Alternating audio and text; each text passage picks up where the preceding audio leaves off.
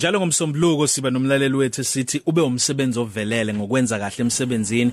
Usebenza nje ukhona okunakile ngisho noma wena ungayitshela ukuthi nje usebenza umsebenzi wenkawu. Abantu uthi uyasebenza ababhizi bayangcolisa bona uyafukuza uyafukuza. Ukhona osuke kubheka ngenzeka usebenza naye awusebenzi naye ngenzeka umuntu wasekhaya sazi. Ingakho sikhuluma noSifiso Masonto njengamanje khona la kwi12 to 3 cafe. Um hi Sifiso. Nyamboza Hi, how are you I'm good and you. Hayibo angikusho ukuthi uyakhulumisa ngisizokuzana yabona nje mina ngikufaka ehlathini wena yabona nje osifiso uyakulandela nje ehlathini lakho.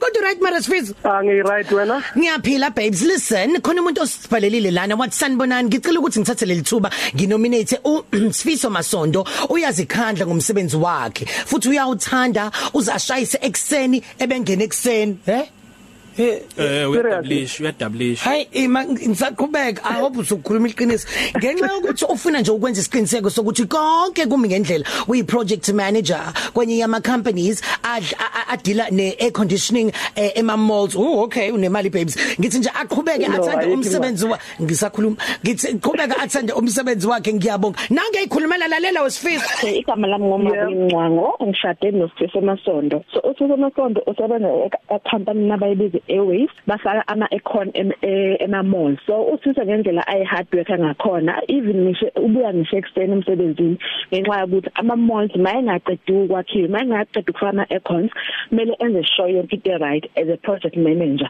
So ngimnominate ngoba ngiyazi ukuthi uyi hard worker shami wenza yonke into ukuthi abasebenzi bakhe futhi laba asebenza phansi kwabo wenza sure ukuthi yonke into abayenzayo i right so that at the end of the day ungadicilela igama lakhe phansi as a manager ye project. So that's why ngithi Sifiso Masondo ngimnominate as employee of the week. Halala Sifiso Masondo Wow.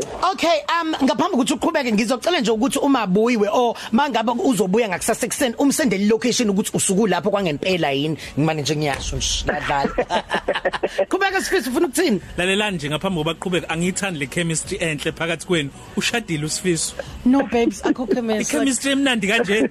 Irongi Okay. Yasifiso Eh engakusho nje ukuthi as a project manager into engayifundayo ukuthi aba into engiyenzayo kumele ngiyithande kuqala before ngenza abanye abantu ukuthi bayithande. Yeah. So umsebenzi kahle kahle ubalekile it doesn't mean ukuthi kumele uthole overtime if usebenza but if abantu bazokhona ukubona ukuthi umsebenzi wakho owenzile umuhle and lokho kuvula amathuba ekuthenini umsebenzi umsebenzi ngawuthola noma kuyiphi ne company futhi awunikeza abantu online bama econ atholakala ashibhile. Cha lokho cha ngikwenzi lokho. Because umuntu kumdirector straight la kumele athenge khona. Yeah siyabonga kakhulu mfethu ngamagalelo akho. Ukunconywa uzunconywa ekhaya ngendlela osebenza ngayo kusho ukuthi wenza kahle kakhulu impela. kahle kahle bengicabanga ukuthi akubonakala lokho. Bengicabanga ukuthi mhlawumbe bayitshete ngisengathi emsebenzini kodwa ke ngithi ngiyabonga mjaji phakathi. Salusubonga nabanye mhlawumbe basekhaya nosebenza nabo eteamini yakhe emsebenzini?